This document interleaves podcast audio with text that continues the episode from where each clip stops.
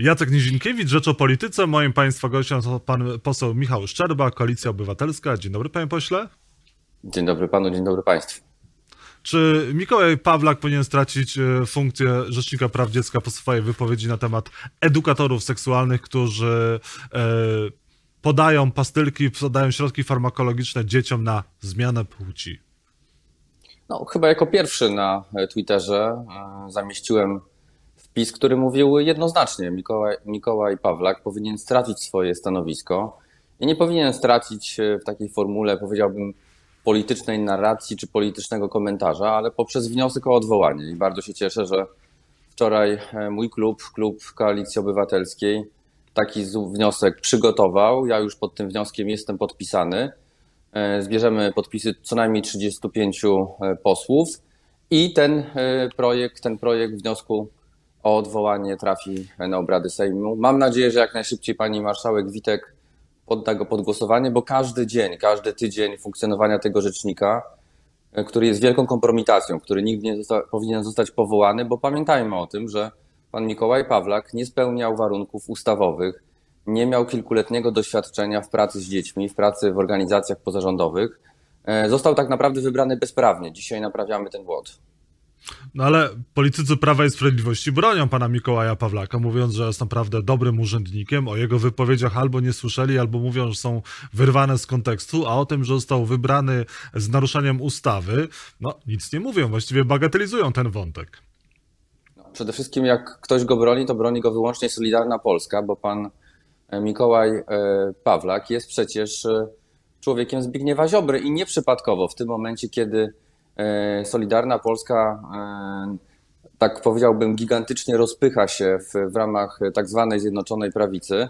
Uruchamiany jest e, Mikołaj Pawlak, czyli Rzecznik Praw Dziecka, który jednoznacznie w tej, powiedziałbym, fundamentalnej ideologii walki ze środowiskami nieheteronormatywnymi staje po stronie Zbigniewa Ziobry. Tak naprawdę wpisuje się w tę walkę, walkę jakby nie było o władzę, o kasę w ramach E, w ramach obozu władzy. To jest coś e, niedopuszczalnego, że konstytucyjny organ, który powinien stać na straży praw dziecka, włącza się w jakąś wewnętrzną walkę PiSu po to, żeby jego szef, były szef e, Zbigniew Ziobro mógł uzyskać jak najwięcej resortów, jak najwięcej spółek, jak najwięcej władzy i wpływów. Ale pan chce powiedzieć, że tego typu wypowiedź o edukatorach seksualnych z Poznania była celowa, była zaplanowana? To jest część strategii Solidarnej Polski przed rekonstrukcją Ale oczywiście, chociażby? przecież każdy, każdy, panie redaktorze, widz e, tego, e, który oglądał ten wywiad z Mikołajem Pawlakiem, który przecież był czemu poświęcony? Był poświęcony przygotowaniu roku szkolnego do sytuacji e, epidemicznej. Przecież ja nie przypominam sobie żadnego wystąpienia Rzecznika Praw Dziecka w takiej sprawie, chociażby jak wyposażenie szkół w bramki automatyczne do mierzenia temperatury w szkołach. Przecież to jest pewien standard we wszystkich krajach Europy Zachodniej, że dzieci wchodząc do szkoły mają mierzoną temperaturę nie przez nauczyciela, nie z jakimś wyciągniętym termometrem, e, ale po prostu elektronicznie. Takie bramki są zamontowane we wszystkich urzędach e, i w, każdym ministerstwie, w każdym e, budynku użyteczności publicznej. U nas w Sejmie również. Każdy poseł, który wchodzi na teren Sejmu ma automatycznie badaną te, temperaturę. Ja obliczyłem, tego typu bramki kosztowałyby w skali kraju ponad 5 tysięcy szkół, powyżej 400 osób około 70 milionów. No i teraz jest pytanie, e, czy nie było tych 70 milionów, a jeżeli nie było, to dlaczego? Czy przypadkiem nie jest tak, że handlarz bronią nadal ma na swoim koncie ponad 70 milionów złotych, których po prostu brakowało Ministerstwu Zdrowia, brakowało ministrowi Szumowskiemu, e, żeby tego typu inwestycje, inwestycje e, w bezpieczeństwo dzieci zapewnić? E, panie ministrze, a jak pan postrzega kwestię e, Białorusi i pomocy Polski dla Białorusi? Na ile my się liczymy jeszcze jako e, głos Europy Środkowo-Wschodniej, członek Unii Europejskiej? Czy my możemy być rzecznikiem no, jednego z tych krajów bloku wschodniego, walki o demokrację i niepodległość? Przede wszystkim ja jakby od samego początku, również od mojej wizyty w Mińsku podczas wyborów i w tych dniach, w tych nocach bezpośrednio po, no, deklarowałem to i deklaruję to do dzisiaj, taką współpracę ponad podziałami. Natomiast oczywiście jestem e, również e, zmuszony do tego, żeby skrytykować, no, żeby skrytykować ostatnie pięć lat, kiedy tak naprawdę polityki wschodniej, e, a szczególnie polityki wobec Białorusi, poza wspieraniem niektórych środowisk opozycyjnych, poza wspieraniem mediów, chociażby poprzez finansowanie Bielsatu, tej, tej polityki takiej szerokiej nie było. A co jest największym zarzutem? To jest przespanie ostatnich dwóch, trzech miesięcy, wtedy kiedy widzieliśmy wszyscy, że coś ważnego się dzieje na Białorusi, że jest całkowite obudzenie obywatelskie tego narodu, tego społeczeństwa, a my, uważa, a my uważaliśmy, czy polska dyplomacja uważała, że e, funkcjonowanie i dalsze trwanie Łukaszenki, e, dyktatora, uzurpatora, ale jednak niezależnego od Rosji, jest czynnikiem wystarczającym. Moim zdaniem nie jest wystarczający. My w tej chwili, jako Europa, jako wolni ludzie Zachodu, powinniśmy się wsłuchać w wolę społeczeństwa, a to społeczeństwo mówi wprost.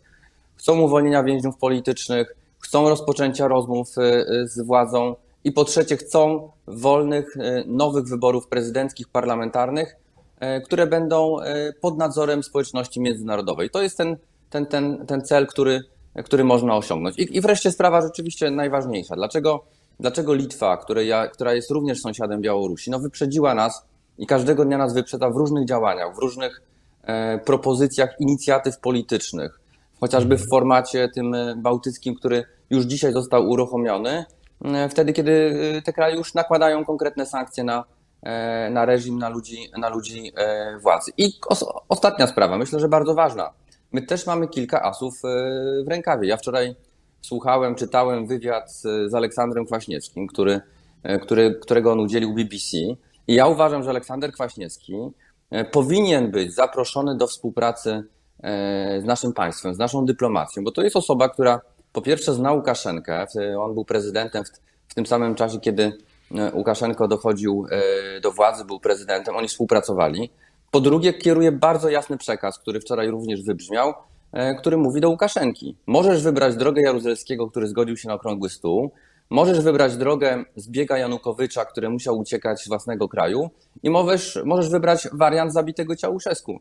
I uważam, że mając do dyspozycji tego typu postaci, nie powi- błędem by było, grzechem by było nie skorzystać z tego typu potencjału.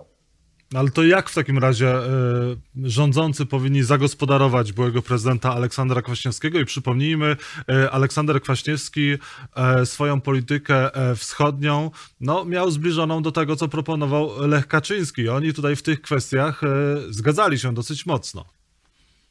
Ja widziałem aktywność Aleksandra Kwaśniewskiego i od czasów pomarańczowej rewolucji na Ukrainie. To były dobre działania. Dzisiaj uważam, że jest bardzo mało osób w naszym kraju, które znają Łukaszenkę i które są w stanie z nim rozmawiać. Myślę, że też moderator, który nie jest z Moskwy, nie jest z Brukseli, byłby akceptowalny, ale również przed polskim, polskim rządem wielkie wyzwanie, mianowicie tak naprawdę ten format, na który jest Łukaszenko się w stanie zgodzić, ale również putinowska Rosja, to jest format mediacji OBWE. I my, I my już od 1 stycznia wchodzimy do tak zwanej trójki OBWE, ponieważ przejmujemy od 2022 roku przewodnictwo w OBWE, więc już będziemy od, za kilka miesięcy w, w tym formacie trójki, czyli w tym formacie decyzyjnym w ramach OBWE.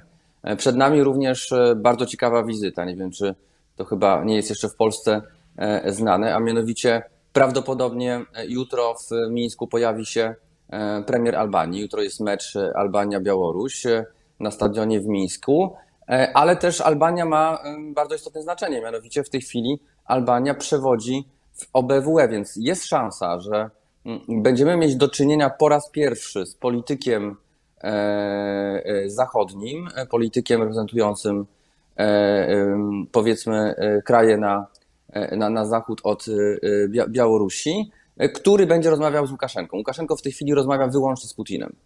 Mhm. Panie ministrze, panie pośle, a proszę powiedzieć, a jak wygląda sytuacja teraz w Platformie Obywatelskiej? Miał powstać ruch Nowa Solidarność, doszło do awarii Czajki, tego ruchu nie ma, został przełożony. On powstanie? Jakie, jaka w ogóle jest sytuacja w tej chwili? Czym ten ruch miałby się różnić od partii politycznej Platforma Obywatelska?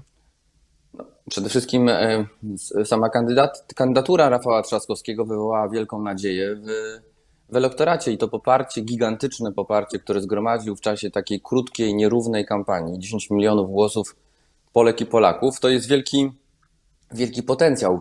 Rafał Trzaskowski jest depozytariuszem tych głosów i e, e, tak naprawdę został naznaczony, został wyznaczony do tego, żeby stworzyć nową inicjatywę polityczną, inicjatywę obywatelską. I rzeczywiście jest tak, że w naszym kraju są osoby, te osoby również były zaangażowane w kampanię Rafała Trzaskowskiego, które nie widzą siebie w partii politycznej, nie widzą siebie w Platformie Obywatelskiej, ale te wszystkie ideały, które Rafał Trzaskowski wyrażał w kampanii, są im bliskie i chętnie by byli uczestnikami czegoś na kształt ruchu obywatelsko-samorządowego bez przynależności do partii e, politycznej. I taką formułę działania Rafał Trzaskowski stworzy, taką formułę działania już ogłosił. Natomiast rzeczywiście mamy czynniki obiektywne, które uniemożliwiają tak naprawdę wystartowanie w tym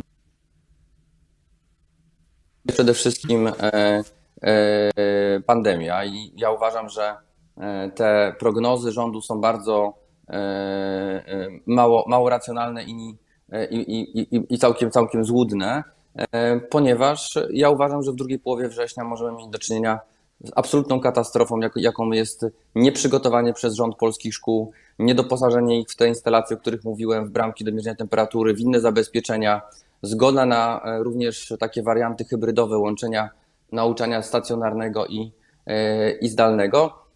Będziemy niestety mieli tego konsekwencje. Mhm. A co z Platformą Obywatelską? Kto powinien zostać nowym szefem klubu parlamentarnego Koalicji Obywatelskiej? No panie redaktorze, no, sprawa jest dosyć prosta, w tym sensie, że Borys Budka już po tym wyborze, e, e, który miał miejsce w styczniu, e, ogłosił, że nie będzie łączył funkcji przewodniczącego partii i przewodniczącego klubu. No, kalendarz wyborczy, kampania prezydencka spowodowała, że te wybory, ta zmiana nie nastąpiła. Wydaje się, że jesteśmy już po wyborach. Opadł kurz tej kampanii. Mamy nowe inicjatywy, o których rozmawialiśmy przed chwilą, inicjatywy Rafała Trzaskowskiego, która niebawem wystartuje. I uważam, że trzeba uporządkować sytuację w klubie i musimy wspólnie. To jest taka mądrość, mam nadzieję, która jest w nas wszystkich, bo wszyscy jesteśmy patriotami. Ja jestem patriotą Platformy Obywatelskiej, jestem w niej blisko 20 lat. I my chcemy, tak powiem, silnej reprezentacji parlamentarnej. Uważam, że podstawową areną walki z PiSem i przedstawiania konkretnych, pozytywnych propozycji dla, dla obywateli jest y, klub parlamentarny, jest parlament. Mhm. Ale kto personalnie powinien być według pana? Tomasz Siemoniak?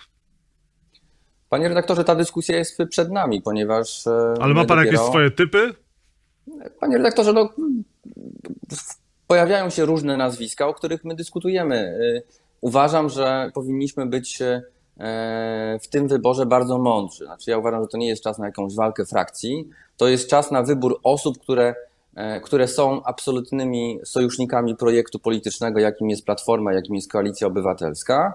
I przy wykorzystaniu również mądrości senatorów, bo oni też wchodzą w skład klubu parlamentarnego, tych 48 fantastycznych senatorek E, i senatorów będzie współdecydowało o tym, jak będzie wyglądało przywództwo parlamentarne e, naszej koalicji. I na koniec, e, jeżeli Pan wspomniał o mądrości, proszę powiedzieć, czy Margot swoimi wypowiedziami, wywiadami po wyjściu z aresztu pokazuje, że może być rzeczniczką osób LGBT w Polsce? Panie redaktorze, jeżeli ma być cztery, to ja niestety nie mam czasu na, na słuchanie tych wywiadów, których, których, jak rozumiem, jest coraz więcej.